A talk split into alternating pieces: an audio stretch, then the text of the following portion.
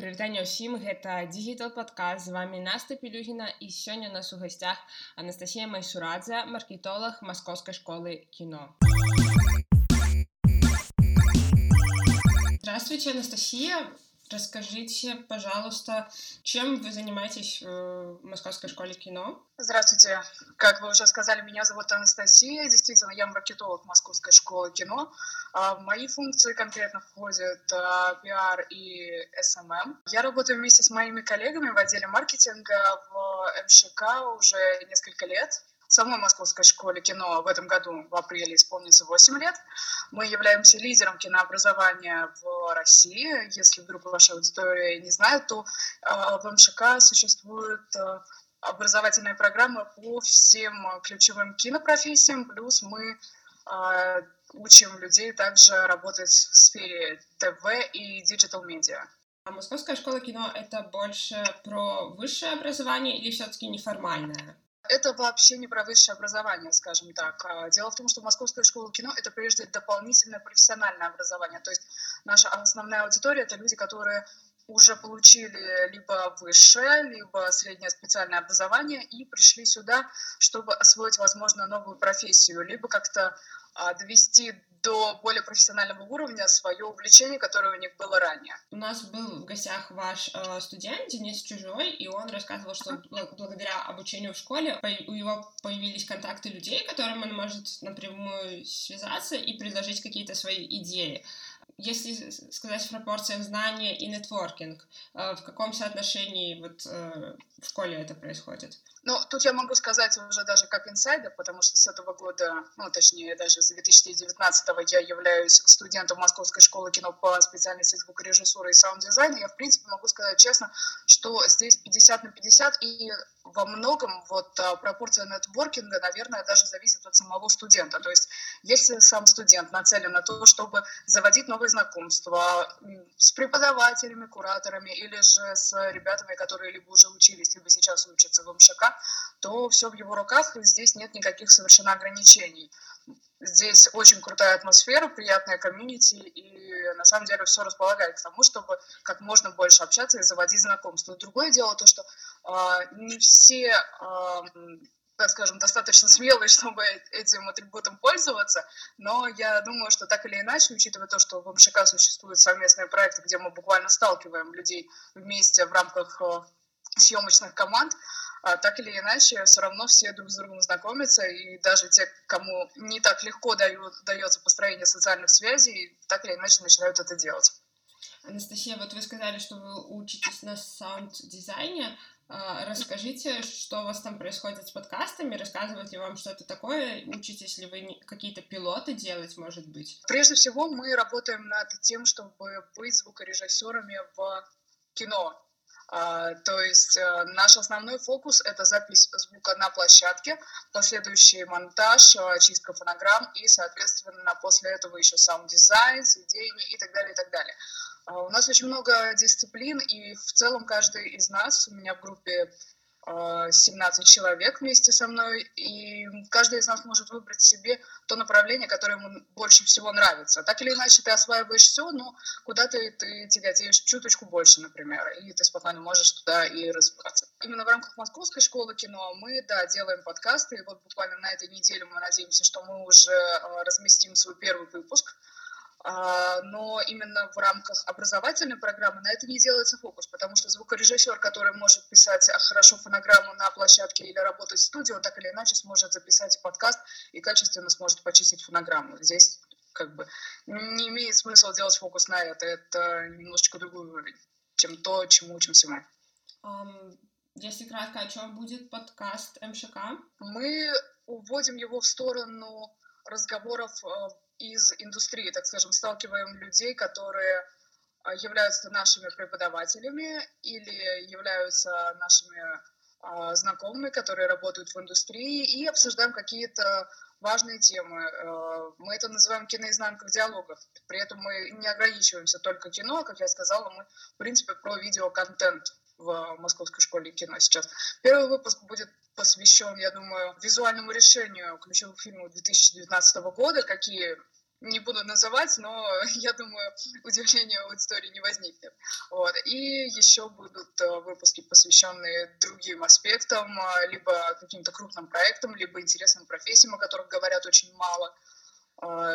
Э, это, я думаю, имеет смысл расшаривать на большую аудиторию, имеет смысл говорить о тех, кто остается за кадром. Это будет только аудиоподкаст или видео и аудиоподкаст? Будет только аудио. Вы рассматриваете это как дополнительный маркетинговый инструмент или все-таки как дополнительный продукт для ваших студентов? Мы не делаем из этого дополнительный продукт только для наших студентов. Мы считаем, что если говорить о таких вещах, о которых в принципе стоит говорить в индустрии, то нужно делать это на максимально широкую аудиторию. Это один из атрибутов контент-маркетинга, но это в том числе и имиджевая история, потому что в Московской школе кино уже много лет проходят, например, летом открытые циклы лекций мастер-классов «Киноизнанка», и далеко не все, кто хочет как-то соприкоснуться с теми темами, которые мы обсуждаем, послушать их, э, обсудить, не все из них, э, не все из нашей аудитории имеют доступ к московской школе кино вот офлайн. Многие живут далеко, у многих не позволяет рабочий график даже в Москве доехать до нас, поэтому мы э, уходим в другой формат, так скажем, осваиваем еще один формат. И надеемся, что та аудитория, которая ощущает потребность, она будет слушать наши подкасты. А какие еще инструменты, кроме эм, лекций и кроме подкаста, вы используете для широкой аудитории, для людей, которые, возможно, не станут вашими студентами? Мы, разумеется, используем все наши социальные сети, которые сейчас активны, а также мы осваиваем новые каналы. По активным соцсетям могу сказать, что это Facebook, ВКонтакте, Instagram и YouTube. А, также мы сейчас делаем на нашем сайте Moscow Film School, у нас есть блог «Киноизнанка», там уже текстовая версия некоторых материалов выходит, туда же мы публикуем интервью и будем в дальнейшем приглашать а, к участию крупных спикеров, которые также приходят, например, на наши открытые мероприятия летом или в течение всего года. А, кроме того, у нас еще постоянно мы интегрируемся в внешние мероприятия, стараемся участвовать, например, в пикнике афиши. Там мы участвовали в прошлом году вместе с Universal University, это университет, который входят э, Московская школа кино, Британская высшая школа дизайна, Scream School и еще несколько школ. Мы объединены вместе в университете креативных индустрий первом в России, и мы вместе иногда участвуем в разных больших мероприятиях. Мне кажется, это очень клевая идея. Если говорить про ваших конкурентов, то вы более конкурируете с различными э, курсами по вашей специальности или все-таки с традиционными университетами, которые в Москве находятся? Знаете, мы скорее конкурируем, если уж говорить о конкуренции, с а, такими же школами дополнительного профессионального образования. А, Все-таки высшее образование, оно а, нацелено на определенную аудиторию. Это люди, которые только что закончили школу. Конечно, к нам они тоже приходят, но здесь, в Московской школе кино, мы не дадим им общеобразовательных знаний, без которых, честно, не всегда возможно развитие по, например, каким-то сложным кинопрофессиям, например, там, режиссура, сценарное мастерство. То есть люди э, должны приходить к этим профессиям, на мой взгляд, и, наверное, на взгляд многих наших э, преподавателей студентов, которые приходят уже в зрелом возрасте, что к некоторым профессиям нужно дозреть, дорасти. Не все можно освоить вот, там, лет в 17. Конечно, есть уникальные случаи, и мы очень гордимся, когда к нам приходят талантливые, очень интересно смотрящие на мир люди, но не всегда это происходит. Иногда человеку действительно нужно вырасти, посмотреть на то, как происходит жизнь вокруг него, быть внимательным, любопытным и потом уже дорасти. А, соответственно, поэтому мы больше нацелены на взрослых людей. А, разумеется, а, наша аудитория молодеет, потому что очень большое число молодых ребят после школы уже задумывается о том, что им лучше пойти уже по четкой специализации и не думать о том, что нужен им диплом или не нужен. Потому что, в принципе, здесь, в Московской школе кино, мы даем диплом о дополнительном профессиональном образовании или же сертификат, но Прежде всего, мы даем возможность настроить все эти связи, изучить профессию изнутри, наработать практику и наработать портфолио, с которым потом как раз человек может уже дальше развиваться в профессии, понимая, что он уже может, и куда им двигаться. Вы создаете какую-то потребность или желание задуматься у вашего потенциального клиента, э, э, что ему стоит задуматься о том, чтобы поучиться у вас? Или, или все-таки к вам приходят именно нацеленные уже люди, которые как-то э, за вами уже следили? А, знаете, тут такой момент, что, разумеется, мы воздействуем на эти потребности, но нельзя а, как мне кажется, это очень сложно создать потребность там, где ее вообще вообще никогда не было. То есть, если к нам приходят взрослые люди, то очень частый сценарий это люди обычно, которые уже построили карьеру где-то в другой специальности, часто очень хорошие, и они в целом могли бы довольствоваться тем, что с ними сейчас происходит. Но такой момент, что у каждого из них есть мечта. И это классно, когда люди через столько лет находят в себе силы отказаться, возможно, на некоторое время от своей успешности, прийти и здесь с нуля начинать то, что действительно им нравится. Потому что все мы, по крайней мере, мое поколение, сталкивалось с тем, что нас, э, нас буквально направляли в университет и говорили, получи нормальную специальность, творчеством не заработаешь. Все мы это помним, это нормально, и действительно наши родители так считали.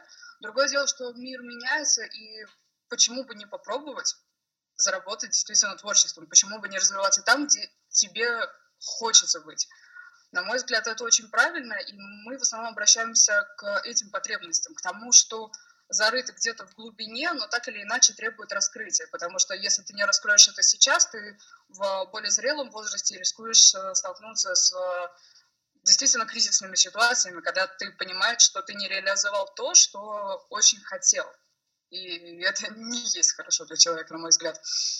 Да, как иногда мы создаем это, э, эту потребность, возможно, у кого-то, но я не думаю, то, что эти люди совсем-совсем никогда не задумывались о том, чтобы связать свою жизнь с кино, телевидением или же цифровой средой.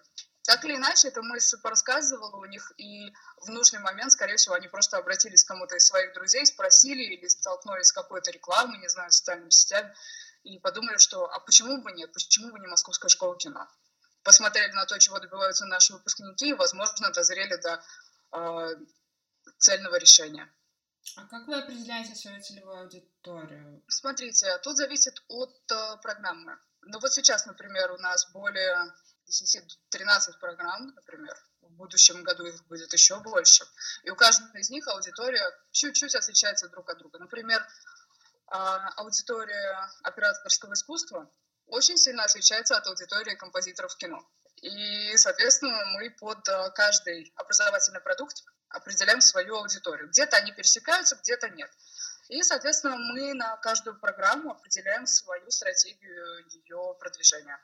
Если мы говорим о молодом сегменте вашей целевой аудитории, то как вы можете им аргументировать, э, что вам нужно, им нужно где-то вообще поучиться, не обязательно у вас, если все знания есть в интернете, и их можно там скачать или там купить э, дешевле по сравнению с обучением у вас и получить более краткий срок? Не все знания есть в интернете, могу сказать честно. Я как студент звукорежиссуры знаю это абсолютно точно, потому что э, в интернете, например, по моей специальности, по звукорежиссуре и саунд-дизайну огромное количество материалов. Много YouTube-уроков по э, работе в Pro Tools, но ничто и никогда не заменит, во-первых, э, обучение внутри группы, потому что это нормально, это даже когда изучаешь иностранный язык, лучше начинать в группе, потому что так или иначе вы друг друга подтягиваете, и вот этот момент, когда внутри групп, группа существует именно как единый организм, вы так или иначе идете вперед, и у вас есть возможность с кем-то проконсультироваться вот в моменте. Вам не нужно переходить в другую вкладку, пытаться найти что-то. Плюс ко всему а, обучение МШК, вот на мой взгляд, э, МШК уже 8 лет, соответственно, каждый, многие программы существуют уже порядка 5 и более э, лет. Э, и это дает возможность пользоваться наработанной уже экспертизой, во-первых, потому что в Московской школе кино есть прекрасное отдел академического качества, который работает над программами, каждый год совершенствует и постоянно работает и с обратной связью от студентов, от преподавателей, от кураторов, в итоге создает действительно хороший продукт, который может э, э, я не могу сказать, что он гарантирует образовательный результат, потому что все равно все зависит от человека. Если ты не ходишь изо дня в день и не занимаешься дома, и прогуливаешь, и не участвуешь в совместных проектах, то действительно вряд ли можно ожидать какой-то крутой э, эффект. Но если ты добросовестный, если ты все выполняешь в срок, стараешься, то я думаю, что результат не заставит себя ждать. Этим как раз это и отличается, что в интернете, во-первых, ты не можешь э, сам скомпоновать э, наиболее грамотно свой э, образовательный путь. Ты не можешь его составить, у тебя нет экспертизы. Ты можешь э, действовать по наитию, думая о том, что, ну, наверное, мне вот здесь интересно что-то понять вот здесь, вот здесь, это не может ничего гарантировать, потому что, например, на звукорежиссуре мы еще параллельно с тем, как э, учимся каким-то практическим навыкам, мы изучаем физику звука, психоакустику, и без этих дисциплин просто невозможно представить себе профессионального звукорежиссера. То есть они какие-то есть на рынке, но я уверена, то, что с знанием э, этих дисциплин экспертность гораздо-гораздо выше. Это уже зрелые люди и хорошие профессионалы могут вырасти. Если мы говорим про ваших конкурентов, так, э, то другие эм, школы дополнительного образования, какие digital инструменты они используют, чем они отличаются от ваших инструментов? Как вы, в принципе, находитесь в этой конкуренции? Честно, наши конкуренты, ну, в основном мы примерно существуем в одном поле и действуем примерно похожими инструментами. В нашей э, школе представлены, как я сказала, все кинопрофессии. У нас существует ну, на самом деле, я думаю, практически уникальный пул программ образовательных, который дает возможность э, полностью снимать э, кино внутри Московской школы кино. У нас есть крутые э, ресурсные возможности. Это собственный кинопавильон. Сейчас он даже расширился, его фактически два. У нас есть, например, у нас из звукорежиссуры есть свой саунд-класс, где мы спокойно можем заниматься. У нас огромное количество классов э, с компьютерами для, например, ребят, которые учатся на режиссуре монтажа. То есть, по факту, у нас э, мы в, своей, в своей коммуникации используем наши сильные стороны это правильно, потому что действительно это круто. Я сама как студент каждый день с этим сталкиваюсь, каждый день думаю, какое счастье, что я здесь учусь, потому что это очень удобно. Наши конкуренты, а, во-первых, у них чуть меньше программ зачастую, и они далеко не все могут реализовать своими силами. Я как студент прекрасно знаю то, что иногда к нам обращаются ребята из других э, таких же школ, потому что просто у них нет а, например, звукорежиссера на их проект. Это нормально, потому что не все школы обладают э, такими же мощностями. Примерно все то же самое, я думаю, них происходит. Э, все другие школы тоже делают, например, Дни открытых дверей. В этом году у нас э, День открытых дверей первый будет в апреле. Я думаю, примерно в это же время Дни открытых дверей будут делать и другие школы. Тоже все делают открытые мероприятия в том или ином объеме, кто насколько может. Все э, идут в СМИ, делают интервью со своими кураторами, все используют социальные сети, используют рекламу в социальных сетях. Это нормальные атрибуты, от которых ты просто не можешь отказаться, потому что никогда не знаешь, что сработает. Например, вот у нас в Московской школе кино иногда я вижу то, что приходят ребята, которые узнали о каких-то наших курсах, например, интенсивах, интенсивах просто из плаката, которые они увидели на территории Арплей, где находится Московская школа кино. И это нормально, ты никогда не знаешь, откуда к тебе придет нужный человек. У нас одним из ключевых э, каналов э, продаж являются наши выпускники и студенты. Это тоже такой классный момент, то, что мы существуем 8 лет, и у нас, соответственно, уже объем выпускников достаточный, чтобы привлекать аудиторию каких-то их друзей, например. Плюс ко всему, многие наши выпускники очень успешны, это тоже помогает. Не все другие школы пока что могут так, так же делать к сожалению или к счастью, не знаю, и просто если в рамках индустрии, но, к сожалению, потому что я считаю, что здоровая конкуренция — это то, что как раз помогает делать качественные продукты, и в конце концов все наши выпускники и их выпускники потом будут работать в одной индустрии. На самом деле это классно. Чем будет больше крутых профессионалов, тем лучше будет киноиндустрия в России.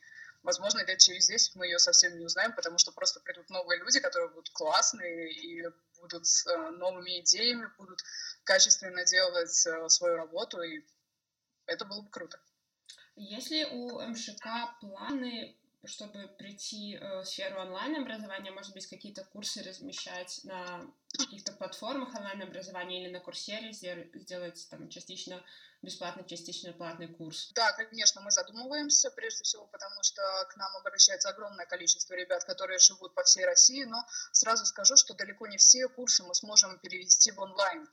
И это, в принципе, не имеет смысла. Например, а, интенсив по истории кино или современному кино, который очень популярны у нас в Московской школе кино, в принципе, возможно, когда-то перейдут в онлайн. Не могу сейчас это гарантировать, хотя многие-многие надеются, что это произойдет, потому что а, огромное количество ребят находится не в Москве и хотели бы слышать и слушать э, и воспринимать наши лекции прекрасного Всеволода Коршунова в любой точке планеты. Это действительно один из самых, пожалуй, наших любимых всеми преподавателей. Каждый выпускник э, обязательно о нем всем рассказывает, поэтому, я думаю, это практически звезда. И все хотят, разумеется, в онлайне эти лекции слушать. Пока что э, таких э, планов ну, на ближайшее будущее нет, но если это возникнет, я думаю, все будут очень рады. Относительно того, что перевести, например, в онлайн профессии программы операторское искусство, режиссура, ну, это невозможно.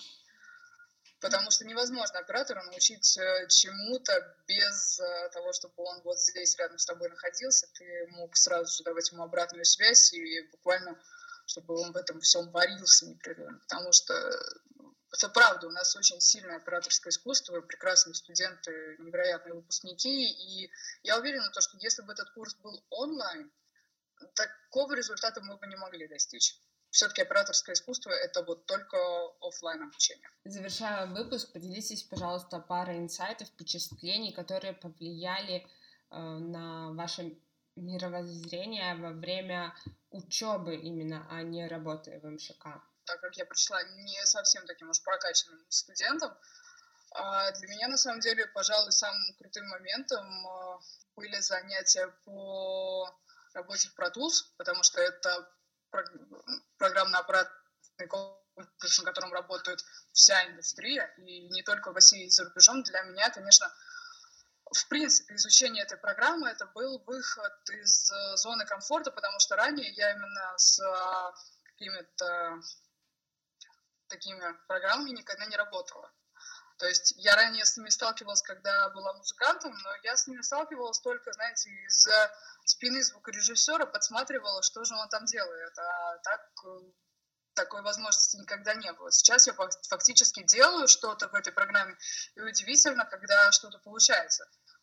Это просто какое-то удивление от того, насколько ты, даже если тебе там 28 лет, все равно что-то можешь выжить из себя. Хотя, казалось бы, уже много лет в одной профессии, и мозг уже так немножко затвердевает в одном направлении, а тут уже совершенно другое, и хоп, все получается все равно, если стараться.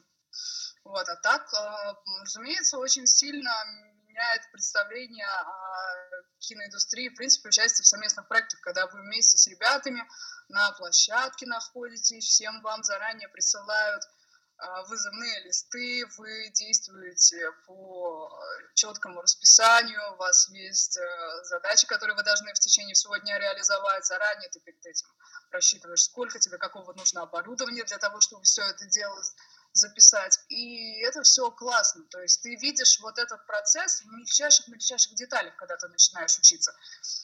И это завораживает, потому что до этого я работала исключительно в МШК как э, маркетолог, как SMM, как пиар. И я, разумеется, все это видела. Но ты видишь это чуть-чуть в отдалении. То есть э, ты не можешь вот так вот взять и порыться во всем этом процессе. А когда ты находишься в нем, это иначе, кроме как э, восхищает, я думаю, даже не назовешь. Хотя, конечно, я не скрою, есть проблемы, бывает сложно, студенческие проекты — это всегда стресс, потому что сталкиваются люди, которые иногда совсем не имеют представления о том, как что делать, они только вот с лекции вышли, им это объяснили примерно, ну, даже не примерно, четко объяснили, они пошли это реализовывать, половину того, что сказали на лекции, они забыли, и там уже набивают свои шишки. Но это прекрасно, потому что пока ты студент, ты можешь набить эти шишки. Ты не будешь страдать от этого в плане денег и так далее, тебе не задержат гонорар, тебя не лишат его. Ты просто делаешь, пробуешь, а потом уже, когда выпустишься, ты уже не допустишь этих ошибок, потому что все они пройдены ранее. Дзякую што даслухалі гэты падкаст да канца. Стаўце лайкі ў дадатку дзе вы слухаеце гэты падкаст. Калі выпуск быў вам карысным напішыце калі ласка чым менавіта і што новага вы даведаліся у водгуках да падкасту. Пакуль